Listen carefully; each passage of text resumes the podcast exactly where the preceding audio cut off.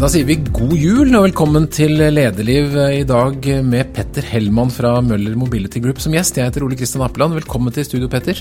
Jo, tusen takk. Jeg ser du, du stiller da i, i, julegenser, og det er jo helt fantastisk. Er det noe du som har vært mye brukt på kontoret i det siste? Eller kanskje ikke vært kontor i det siste? Nei, det har vært litt lite på kontoret, men uh, vi måtte jo avlyse julebordet. Og da var det en arrangementskomité som uh, ja, både var lei seg for at de ikke fikk vise det de hadde stelt i stand, men oppfordret oss alle da, til uh, i dag å ha på julegenser i det som er av møter. Så derav den genseren.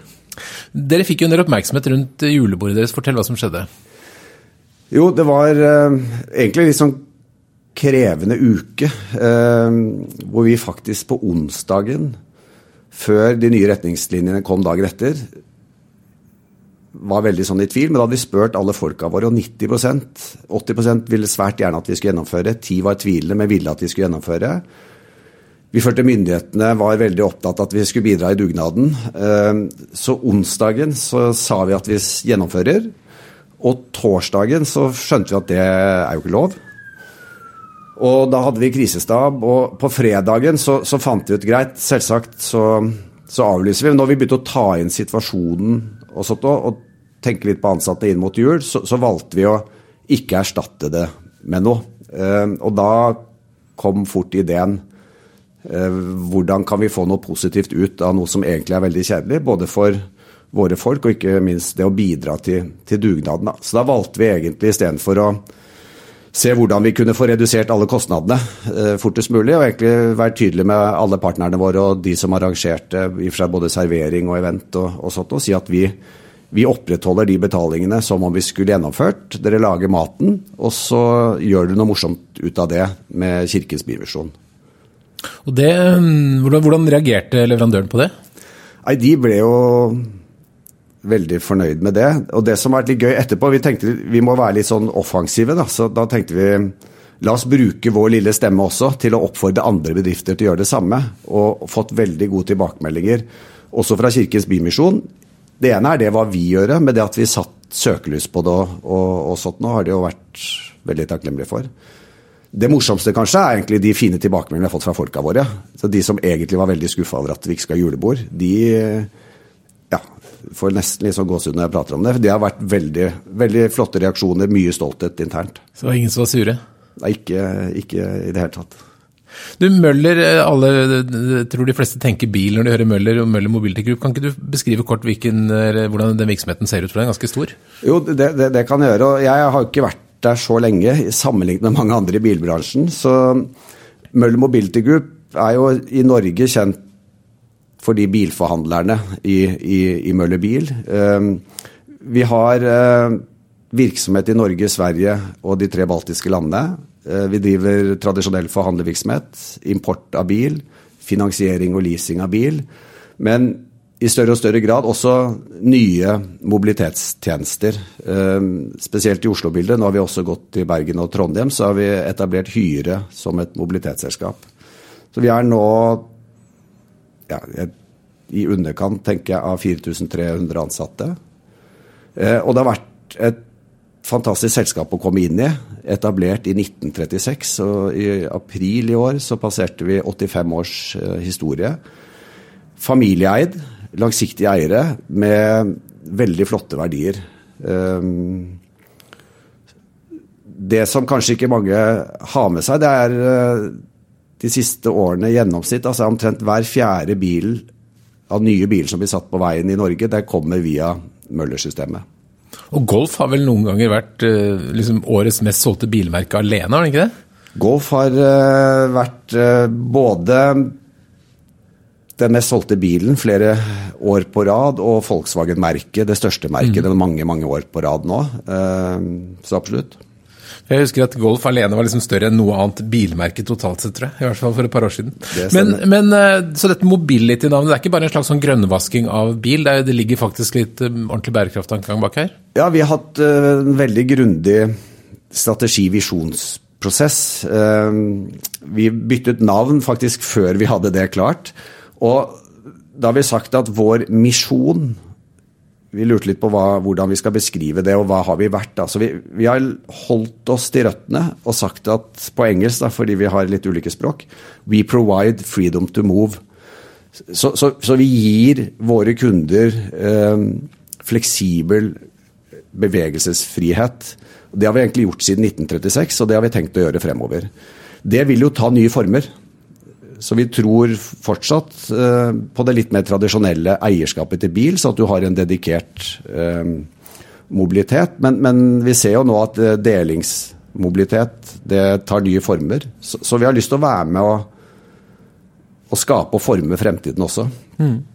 Du kom jo til denne jobben fra mange år rundt omkring i altså Først var du, du er økonomutdannet, har vært konsulent. Uh, Gressvik, Orkla, Sapa Klappud. Du kom liksom fra innkjøpssiden, og så har du vært i Lilleborg, som er veldig merkevareselskap, og så kom du over til Møller. Hva er den store forskjellen på å komme fra eh, vaskemidler til biler? Ja, du, du kan si det vi driver med er jo vidt forskjellige ting. Og det er en ganske kompleks virksomhet, egentlig, det å drive bilforhandler. Da. Du skal både selge og så drive med verkstedproduksjon og, og, og, sånt. Og så, så ja, rundt bransjen og sånn, veldig ulikt. Men det som er likt, og som jeg har egentlig tvunget meg til, da, for jeg, har, ser du på CV-en, så ja, Jeg finner vel egentlig bare to røde tråder. Det ene er at jeg har hatt det utrolig gøy på jobben. Sånn at jobben har blitt det fotballen var. Og så har jeg gjort Tidligere så kalte vi det forretningsutvikling og organisasjonsutvikling. Nå kaller man det omstilling, transformasjon. Um, hvis du ser på selskapenes karakter, så, så, har jeg jobbet i flere sterke selskap med litt desentraliserte strukturer, som har vært på en reise hvor de har endret form. Og det er vel egentlig etter å ha blitt kjent med Møller og styrken i organisasjonen, stoltheten og lojaliteten, så ser jeg veldig mye likheter med det vi hadde i Orkla og Sapa. Så du kan si sånn ledelsesmessig, organisasjonsmessig, så er det nesten større likheter enn en forskjeller. Og så har jeg selvsagt måttet lære meg hvordan vi driver forretning, mm. og, og, og, jeg har egentlig ja, ikke vært i bilbransjen tidligere, men har har kjørt bil og hatt litt interesse for det. Men, men har måttet lære meg en helt ny bransje. Bil er også merkevare. Det er litt, det er litt dyre produkter enn det Lilleborg selger, men er lojaliteten like stor i bilbransjen som den er i, i eh, på mot vaskemidler? Jeg vil si Historisk sett så har jo lojaliteten vært øh, veldig sterk. Det var jo litt sånn Du så jo hva din mor og far kjørte, mm. eller din farfar eller morfar og, og, og, og sånt. Så, så jeg vil sagt lojaliteten til merkene har vært ekstremt høy tidligere. Det har jo nå endret seg voldsomt med elbilene. Spesielt i den fasen vi har vært i nå, hvor det har vært for lite utbud. Så er det egentlig hvor langt bilen går og litt pris. Ja, Så roter det seg til? Det kommer sånn merke som du aldri har hørt om. Nå er jo veldig mange nye kinesere på vei inn, i tillegg til at amerikanerne gjør det bra. og, og så, så, historisk så sier jeg det er mange likhetstrekk. Og så har vi sånn sett vært inne i ja, veldig store endringer eh, med elektrifiseringen. Og det spesielt Det skjer veldig mye i Norge. Norge er det første landet i verden som blir fullt ut elektrifisert når det gjelder bil. Og, og, vi ser at spesielt de nye kinesiske merkene de bruker Norge som inngangsporten til Europa. Så, så nå skjer det veldig mye. Så vi er forsøkskaniner? Vi er eh, enten forsøkskaniner eller eh, vi som skal forme fremtiden. Ja, litt sånn når man ser det. Er det andre ting enn elektrifisering som er i endring i bybransjen? Ja, det er egentlig veldig mye. Vi har digitalisering. Eh, kundenes forventninger rundt hvor tilgjengelig vi skal være på digitale flater. Eh, og det har jo bare skutt fart nå egentlig under koronapandemien. Vi har veldig store investeringer på produsentsiden. De endrer sine salgs- og distribusjonsmodeller for å henge med. Så der har jo Tesla egentlig banet vei og gjort noe helt annet. Og, og de etablerte, de må hive seg rundt. Så ja, det er vel egentlig ingenting som ikke er i, i, endring. Det som er bra for sånne som oss, det er jo et ønske om mobilitet. Å bevege seg. Det er voksne og aldri vært større. Vi må gjøre den omstillingen med å sørge for at de løsningene vi selger, de er eh, bærekraftige og, og ja. Så jeg, vi står jo egentlig sånn ut fra et endringsperspektiv i den perfekte stormen, hvor Tidligere så har verdikjeden vært ganske forutsigbar og fast. Jeg har satt det ved et par andre anledninger. Altså, det er litt den følelsen nå at alle kortene i verdikjeden de deles ut på nytt. Mm. Vi har banker, forsikringsselskaper som ønsker å posisjonere seg annerledes. Vi har nye merker. Eh, vi har tech-selskaper som kommer inn. Så, så utrolig spennende tid å, å være i. Men Kommer bil fortsatt til å være noe man kjøper, eller kan det være noe man leier? Det kommer i hvert fall til å være noe man leier, i tillegg til at man kan kjøpe. Vi tror vi kommer til å se veldig mange ulike former for bileierskap fremover.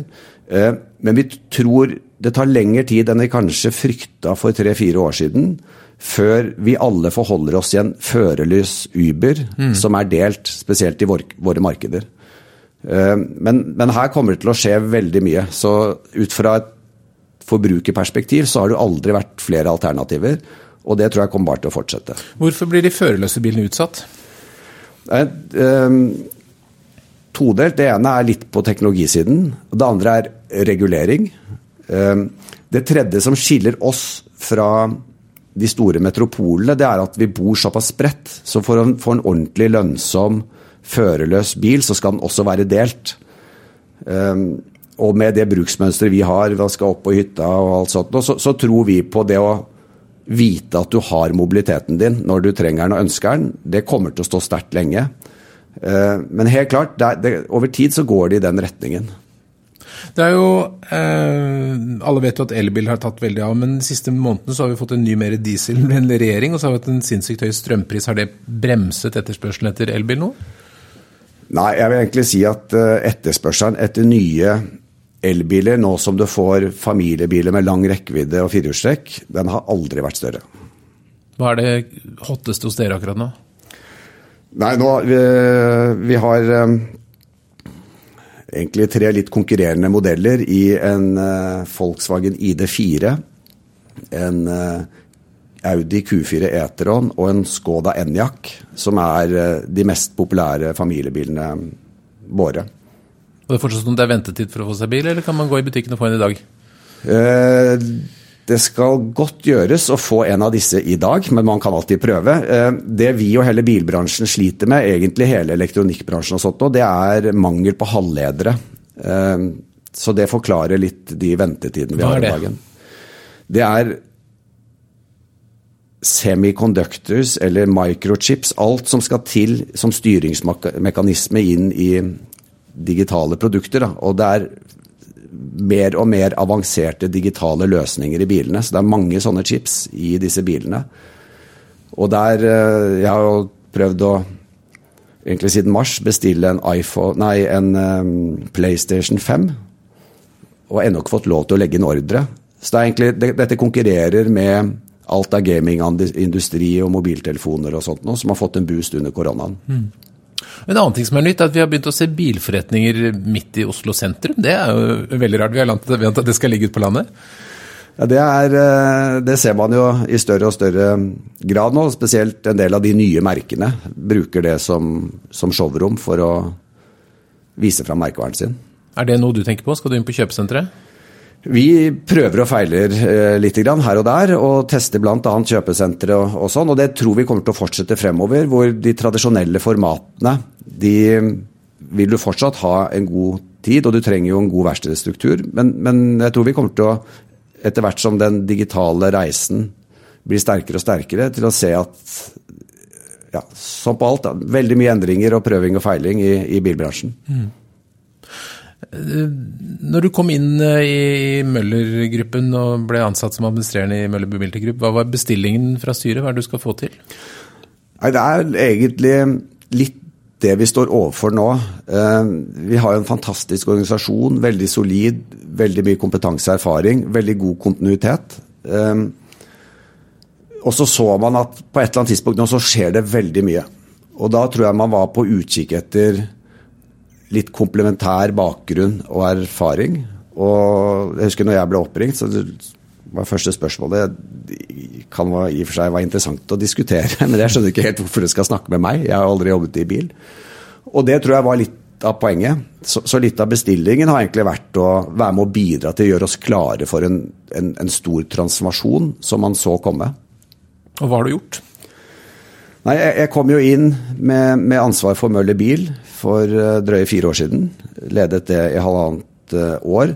Da var det egentlig å sette oss i stand til å ta ut det fulle potensialet egentlig på det vi alltid har gjort, med friske øyne. Eh, så det var å stake ut kursen der, og så har jeg egentlig tatt med meg det litt inn i den nye rollen som, som konsernsjef.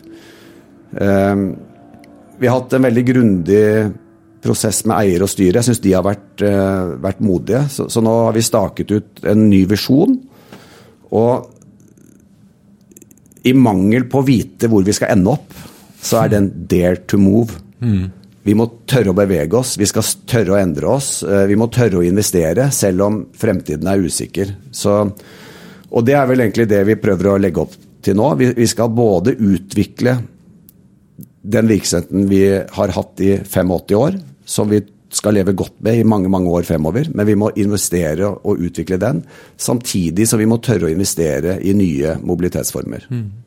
Hvordan jobber du da som leder med å ta visjonen og tankene om fremtiden ut i organisasjonen? Uh, jeg vil si todelt. Nå, nå, er det jo litt nytt for meg å lede en så stor organisasjon. Mm. så Jeg har jo ikke prøvd dette mange ganger tidligere. Så, så det er vel egentlig de tilnærmingene jeg har med eieren og styret og i og for seg ledelsen, at vi skal lære sammen. Eh, jeg har vært veldig opptatt av prosess og involvering, så det er ikke Petters visjon. Dette er vår visjon. Grundig prosess med både eiere, styre, konsernledelse. Vi har en sånn gruppe som vi kaller Topp 50 og 150. Mm. Eh, så denne har blitt til over det siste halvannet året. Og er egentlig ikke nytt heller. Den bygger videre på noe som lå der før jeg kom. Mm. Så, så, Det ene er strategien. Det viktigste er egentlig det vi driver med nå. og Det er å, å gjennomføre. Og, og, så jeg er eh, hva skal jeg si, jeg har lært litt. Jeg, jeg, jeg, har vært i Sverige, jeg husker jeg var konsulent, jobbet for Ikea. Da var jeg veldig frustrert. Denne konsensuskulturen. Men jeg har liksom sett fordelene og ulempene i og for seg både i Sverige og Norge litt opp mot hverandre. Så jeg er nok mer prosessorientert enn en typisk norsk leder. Og litt mindre konsensusorientert kanskje enn en typisk svensk leder, hvis jeg skal være litt karikert. Men jeg ser veldig nytten av prosess, det at folk forstår hvorfor. Sånn at når du først beslutter, så er det gjennomføringskraft. Og, og for meg så ligger 80-90% av suksessen i gjennomføringen. Mm. jeg har sett ofte i Norge, så er vi litt trigger-happy, ofte høyt oppe. Toppledelsen bestemmer, setter retning. Og ikke bare det at ikke eierskapet er der, men det tas omkamper hele tiden. Så du føler at du beslutter og driver deg fremover, men du kan stå og spinne litt. Da. Så, så det er vel egentlig det jeg søker, det er å finne den riktige balansen i involvering for å få eierskap og engasjement. Mm Eh, men tørre å ta beslutninger som skal drive oss fremover. Da. Hva gjør du for å få si, gutta på gulvet med deg? Og jentene, sikkert? Ja, når, jeg kom inn i Møller Bil, så er jeg opptatt av å reise rundt og snakke med folk. Eh, og det har vel kanskje vært den største utfordring etter hvert som man blir toppleder og får større og større ansvar. Det er å føle å ha den nærheten. Eh, det er litt sånn tosidig. Jeg er veldig flat i hodet, sånn i tankesettet. Eh, eh, folk er folk. Liker å bli kjent med mekanikeren, med, med selgeren, med den som plukker delene. Renholdspersonalet og, og sånt noe. Men så har jeg også måttet lære at jeg må huske på at jeg er ikke bare Petter. Sånn når jeg ser de i øynene og møter de for første gang, så ser ikke de bare meg, men den rollen jeg er. Så, så, sånn sett må tilpasse meg litt, så ikke jeg skremmer folk for mye. Men, men, jeg er veldig opptatt av å bli kjent med menneskene, kulturen. Eh, ikke minst prøve å forstå hvordan har vi skapt dette fantastiske selskapet gjennom 85 år, eller 81 år, da når jeg kom inn. Eh, og så har jobben min egentlig vært å sørge for at vi skal gjøre ting annerledes og forberede oss for fremtiden. Men det å forstå hvor vi kommer fra, hva er styrken i organisasjonen og, og sånt, har vært veldig viktig. Mm. Hvordan vil du bli oppfattet som leder? Det må du jo nesten spørre andre om, men, men, men uh, Det er lettere for meg kanskje å ha et bilde av de nære, hva de vil si. Uh, jeg tror de oppfatter meg som engasjert. Uh, interessert. Um, Nei, jeg, jeg, tror også sånn omgivelsene kanskje oppfatter meg mer analytisk og strategisk enn jeg kanskje selv, selv fører. Og så tror jeg de som kjenner meg godt, de vet også at han er veldig pragmatisk, nysgjerrig, åpen for å lære og trenger hjelp av andre. Ja, men det Er bra det. Er dette en virksomhet som, som kommer til å vokse med flere ansatte, eller det er digitaliseres og forenkles og blir færre ansatte, hvis du ser et sånn langt bilde? I det lange bildet så, så, har jeg egentlig ikke noe sånn klart perspektiv på det, så jeg tror vi skal vokse. Mm.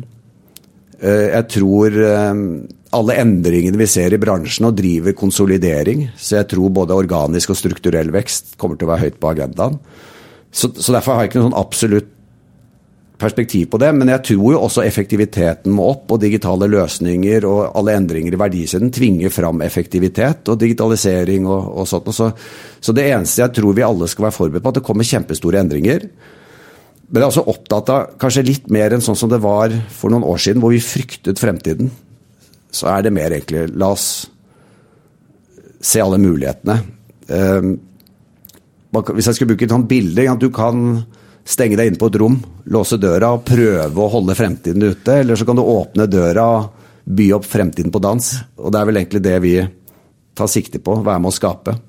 Opplever du at det er en bransje som er eh, attraktiv, at du er lett å få tak i gode folk? Jeg oppfatter at uh, det absolutt er en attraktiv bransje, og kanskje mer og mer nå når det skjer så mye. Få, vi har alltid vært attraktive innenfor bil, og tidligere så har man i bil rekruttert fra bil, mm. og, og, vi har vært størst og best. og mm. da alltid vært attraktive. Men, men, nå skal du jo tiltrekke deg folk på tvers av bransjer. Spesielt innenfor det digitale og teknologisiden. Så, så, jeg, men jeg tror vi har en jobb å gjøre. Eh, vi har ikke vært så ekstroverte som bransje eller selskap som andre. Og, og det tror jeg vi må tørre fremover. Et spennende tiltak som ligger i, i, i si, selskapsfamilien deres, er dette Møller Medvind som driver med sosial bærekraft. Kan du si litt om det? Ja, det, er, eh, det sier litt om eierskapet vårt av eierne våre som har vært initiativtakere til det. Jeg har vel kalt det litt sånn kinderegg. Eh, jeg ble jo kjent med dette eh, når jeg var i Møller Bil, og Møller Bil er kanskje den viktigste partneren til Møller Medvind. Så Møller Medvind er satt opp for å klargjøre de brukte bilene. Og det gjorde vi Én for å rydde opp i en bransje hvor man kan stille litt spørsmålstegn til hvordan det blir drevet, sånn at vi har kontroll på den. Og så har jo ikke minst, eh, hvis, hvis, det var liksom sjokoladen i Kinderegget, så, så, er eh, Det du må åpne, det er eh, Og som var litt vår, kall det overraskelse, det, det, er at det faktisk også har drevet opp effektiviteten. Så vi driver klargjøring mer som fabrikk. Eh, veldig godt resultat. Og så har de invitert inn arbeidskraft som da normalt har studert for. Ja, og Det er jo det som er i midten av kinderegget. Det er egentlig det Mølle Medvind er satt opp for å gjøre. Det er å, å ta inn folk som har falt utenfor uh, arbeidslivet, og hjelpe de inn i faste, hele stillinger. Så ikke arbeidstrening, men faste, hele stillinger. Og det gjør Møller Medvind nå eh, hos seg. Nå tror jeg de er oppe tror jeg, i 46 heltidsstillinger som de har klart. Og så er det det som er gøy, jeg tror nå er vel oppe i tolv av de har fått nye faste stillinger i Møller Bil og Møller Mobility Group. Så, så det er liksom kjernen i, i Møller Medvind. Og når du blir litt kjent med de skjebnene og hører de historiene, så um, jeg skaper det mye stolthet. Og så er jeg utrolig imponert over det de har fått til sammen med Nav. Og den hjelpen de har fått uh, av Nav, og i og for seg både lokale og sentrale myndigheter til å heie på dette. Fordi jeg tror vi er i ferd med å i hvert fall delvis knekke litt den koden da, som vi har slitt med på inkludering. At vi kjører arbeidstrening og arbeidstrening. Men, men, det fokuset det er at vi skal produsere disse ut i faste, hele stillinger, det tror jeg er nøkkelen. Hva betyr det for de som har stått utenfor å få lov å komme inn og jobbe der? Altså Det betyr jo alt. Når du hører hvordan, hvilken innvirkning dette har på livene deres uh, utenfor jobben og, og, og, sånt, så er det klart at dette er en, en, en, gave for alle de som får muligheten. Det som er gøy å se hos oss, det er hvilken stolthet det har hos oss.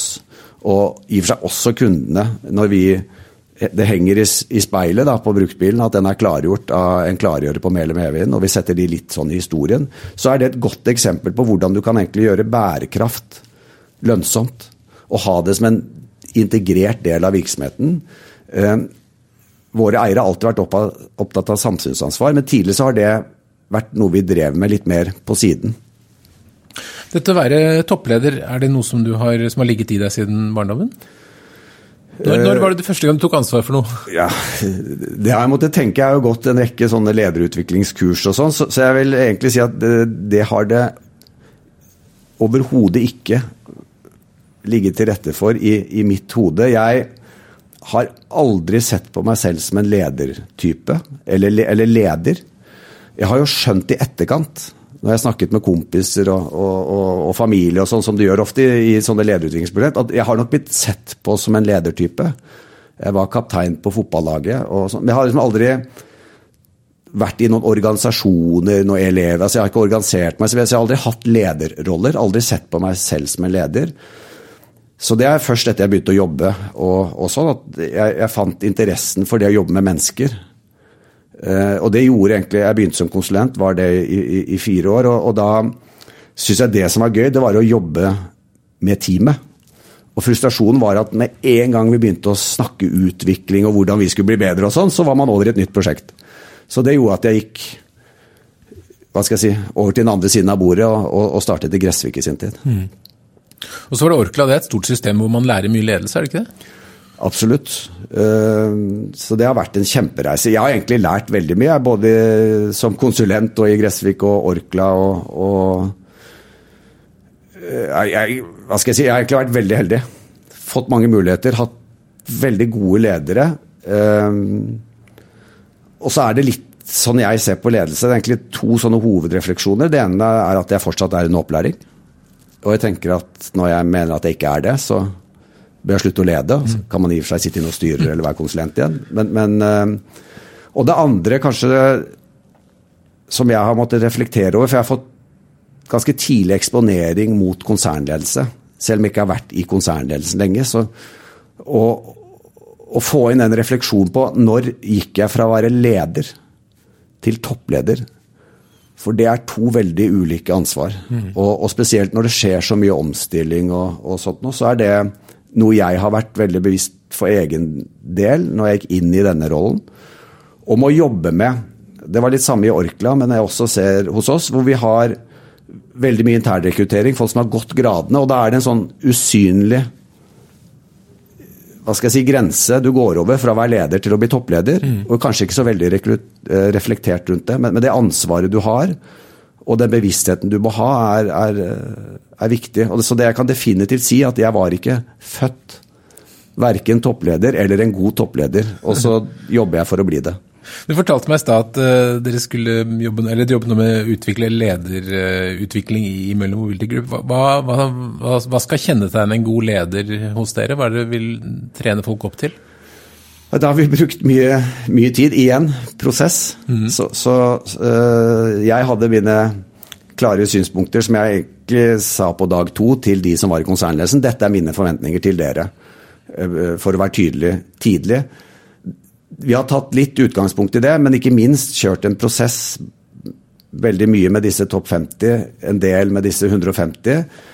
Og så har vi meislet ut nå, knyttet til de fire grunnverdiene vi har i selskapet, det vi kaller 16 forventninger til ledere, eh, som ligger under fire kulepunkter i hva er det vi legger i det å ha lederansvar. Og hva er de fire punktene? Eh, det første er at du som leder da, skal skape resultater sammen og gjennom andre. Eh, du har ansvaret for å utvikle både folk og forretning. Og du skal bidra til at vi utvikler videre en tillitsbasert og utviklingsorientert prestasjonskultur og så skal du være en eh, lagspiller og en god rollemodell for våre verdier. Mm. Det er de fire kulepunktet som ligger under det å ha lederansvar i, i Møller. Det er ganske store krav? Ja, det, vil, det, er jo ikke krav, det er et ansvar du har, enten du liker det eller ikke. Mm. Uh, og, og, vi setter dette med å utvikle folk veldig høyt på agendaen. Uh, og da starter det med oss som ledere. Og så skal jeg si også, jeg, jeg, jeg kalte det lederforventninger. Enn så lenge så er dette forventningen til topplederne våre. Og vi har en gruppe på 170 toppleder uh, i, i, systemet vårt. Leder du en forhandler, så er du toppleder på den adressen. Mm. Uh, og så skal vi finne ut av, etter å ha jobbet litt med dette uh, gjennom neste år, hvor mye av det vi skal ta videre til lederne våre. Og hvor mye vi skal ta videre i kulturarbeidet med folka våre. Dere har en virksomhet som er preget av veldig mye hardware. Det er veldig mye flotte biler og maskiner og verksted og sånn. Så har du mennesker. Eh, og du sitter med mange forskjellige enheter som ligner litt på hverandre. Eh, hvor mye betyr den menneskelige faktoren, altså det at det er en god ledelse hos en forhandler eller et verksted kontra dårlig?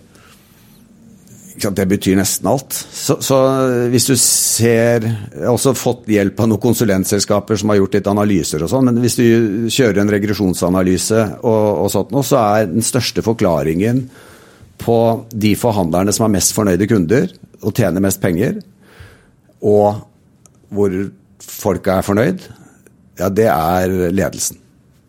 Og så er det selvfølgelig de folka som gjør jobben. Men det er jo lederens ansvar å utvikle den kulturen. Så, så den menneskelige faktoren er den største forklaringsvariabelen vi har for de som driver bra, og, og de som fortsatt har et stort potensial. Så det nytter ikke å lene seg tilbake og stole på tysk kvalitet? Nei. Mm, på veien dit hvor du er nå, er det, hva, er det noen spesielle hendelser som du tenker har formet deg som leder? Uh, har noen ja, det, er, det, er jo, det, er, det, er, egentlig summen av mange hendelser, vil jeg, vil jeg si. Men, men, det er kanskje noe som sitter i fra å være den Når du kommer fra konsulentverden og, og vil mye. Uh, så jeg kaller det litt sånn en sånn insecure overachiever. Du er vant til å levere mye, og det tar du ofte med deg i det første lederskapet ditt. Du skal produsere og levere og, og, og sånn. Så jeg har hatt noen brutale møter i for seg opp igjennom med omgivelsene mine, hvor, hvor jeg har eh, funnet ut at mitt selvbilde, det er mye mer statisk enn det bildet omgivelsene har av deg. Spesielt når du skifter omgivelser. Eh, så jeg har hatt noen litt sånne brutale ja, hvor jeg liksom møtt meg selv i, i speilet og bare tenkte Petter, hva er det du driver med? Men, men, jeg er hva skal jeg si, naivt optimistisk på andres vegne. Eh, for raskt tillit. Føler meg på hjemmebane tidlig. Det gjør at jeg hvis jeg senser litt av det samme hos andre, og ikke de er tydelige meg tilbake, kanskje tror at vi er på hjemmebane, og da kan jeg være veldig åpen og ærlig og, og mm. direkte i stilen. Eh, så jeg har fått noen sånne aha-opplevelser noen ganger, hvor, hvor, folk som jeg liksom tenker Yes, vi klikker bra. Eh, det vedkommende gjør en kjempejobb. Og så har vi hatt en, vår første liksom, ordentlige medarbeidssamtale og hvor vedkommende blir helt sjokkert. Og så snakker vi om det etterpå, og så, vi har ledd av mye av det i ettertid, men hvor vedkommende har virkelig gruet seg og vært veldig usikker på hvor uh, vedkommende har meg. Uh, og da har jeg innsett at jeg har jo trodd at jeg har vært flink til å rose og, og sånt noe, men, men, men, vi har ikke etablert den tillitsplattformen av den relasjonen som kanskje skal til for at Petter kan være Petter. Mm. Så, eh, og det har jeg jo tatt med meg litt senere og, og, og sånt noe, så, så, jeg er nok mer bevisst den jobben du må gjøre for å vinne hjertene før du kanskje kan være deg selv alltid. Mm. Og spesielt som toppleder, hvor, hvor eh, ja, en litt sånn tydelig beskjed fra meg Det husker jeg det sa i og for seg Dag Opedal til meg i Orkla i sin tid. Altså, det, du må liksom tenke at er, du snakker gjennom en ropert. Det virker som du er veldig opptatt av å utvikle deg selv som leder. Er det, er det, noen steder du henter inspirasjon? Leser du mye bøker om ledelse, eller har du noen guruer, eller sitter på YouTube, eller er det, hvordan, hvordan, eller er det konsulenter? Ja, det er nesten flaut å si det, men jeg, men jeg leser altfor lite og sånn. Så, så jeg, jeg, har egentlig Jeg reflekterer jo mye selv, og så har jeg tatt med meg mye læring. Og så har jeg fått lov til å gjøre veldig mye spennende i veldig sånn ekstreme oppgivelser. Jeg vil jo, Hvis du skulle satt en merkelapp på meg, så jeg vil si at jeg er en typisk transformasjonsleder. Mm. Så det er det eneste jeg har gjort. Um, og da er du i veldig mange store, ekstreme situasjoner. Så jeg har jo observert og vært en del av mye spennende. Sett hvordan andre gjør det. Um, det jeg bruker mest i mitt lederskap, det er egentlig tilbakemeldinger fra folka rundt meg. Mm. Og veldig opptatt av det. Uh, jeg trenger sterke, komplementære folk i teamet mitt. Uh, jeg har en åpenhet nå med min styreleder og han, og, og oppfordrer også min styreleder så, så, hver gang før vi har sånne halvårssamtaler, så, så, ringer han til alle som rapporterer til meg, og får tilbakemelding på meg som han tar inn. Ja. Uh, så, så, jeg lærer mye av omgivelsene. Og så har jeg en fantastisk støtte på hjemmebane. Så jeg har en veldig god sparringspartner i min kone, som kjenner meg litt bedre enn meg selv. Uh, så det har vært mye læring å hente der. Eh, men jeg henter mye inspirasjon egentlig sånn fra idretten. Uh, og jeg er litt flaks nå, så, så jeg, jeg, er glad i Liverpool. Mm. Og Klopp. Og, og, måten han ikke bare fokuserer på prestasjoner, men det å utvikle organisasjonen og kulturen og hele greiene rundt der, det syns jeg er fantastisk. Og litt inn i, i transformasjonsledelse og sånn. Det å forstå litt eh, Aksel Lund Svindal. Hva han har vært igjennom, hvordan han tenker, syns jeg har vært lærerikt. Uh, utrolig inspirerende. Sånn som han sier det, Han hiver seg jo ikke bare utfor og tar masse risiko. Han er veldig grundig og analyserer risiko. og det er jo det, Skal du drive med transformasjon og endring, du må jo tørre å hive deg utpå. Mm. Men, men, du må jo gjøre hjemmeleksa, så du må jo vurdere risikoen og sånt noe. Og så syns jeg hadde jeg gleden av å sitte ved siden av på middag hvor lite blasert og hvor nedpå han er, og hvor nysgjerrig han er. Um, så, så, det er hvis jeg skulle trekke fram noe. Jeg, jeg har hatt gleden av å jobbe med veldig mange dyktige ledere. Jeg har hatt en, en fin oppvekst, hatt forbilder i besteforeldre og foreldre. Men Du snakker om transformasjon. Hva, hva, er de største barrierene for endring? Hvorfor, hva er det som gjør endring vanskelig? Um, det kan jo de som kan dette faget mye bedre enn en, en meg, men, men, men, men, eh, sånn, sånn teoretisk sett. Men, jeg tror det er jo iboende, denne motstanden mot endring. Så det må man ikke undervurdere. Så, så det gjelder jo egentlig både forretningsutvikling og, og, personlig utvikling. Så er det å skape en lyst til å endre seg. Eh, så jeg tror veldig på i transformasjonsledelse dette med å skape en lyst. Vi skal endre oss fordi vi vil, og fordi vi kan. Jeg syns historisk sett så har veldig mye transformasjons... Eh, eller store endringer kommet fordi du må. Du venter til du har en sånn burning platform. Jeg er opptatt av burning desire. Det er noe kontinuerlig. Du, du vil ville utvikle deg. og Derfor jeg sier at vi skal ikke bare være en tillitsbasert prestasjonskultur. Det har vi alltid vært. Vi skal være utviklingsorientert. Så alle folka våre skal føle at de er med på en reise. Og hvis vi kan anspore alle til å ønske å utvikle seg, ønske å forbedre seg, så, så er det Det ligger i transformasjonsledelse for meg. Det å få folk med fordi de vil, og ikke bare fordi de må. Men i systemet ditt så har du da sikkert mange som kanskje sier man er i 50-årene, man har jobbet mange år, man kan jobben sin, trives godt med det og selger biler eller reparerer biler. Hvorfor skal man ønske å forandre seg hvis ting er bra? Nei, Det er jo det store spørsmålet og utfordringen. Så, så, da må man ut og mobilisere og snakke og begeistre. Mm. Så, så, jeg tror jo Skal du lede i transformasjon, og det gjelder jo som en del av disse forventningene da, som ligger under disse fire mm. punktene i lederansvaret, så er det jo vår evne til å forklare hvorfor, og begeistre og skape lyst. Mm. Det er viktigere i en virksomhet som er i transformasjon, enn en virksomhet som jobber med kontinuerlig forbedring. Så, så du må appellere til hjertet mm. og, og, få det med. Og så har vi har litt sånn målbilde. Vi har alltid sagt at i Møller så skal det være krevende, engasjerende og moro. Men det blir jo fort noe du sier.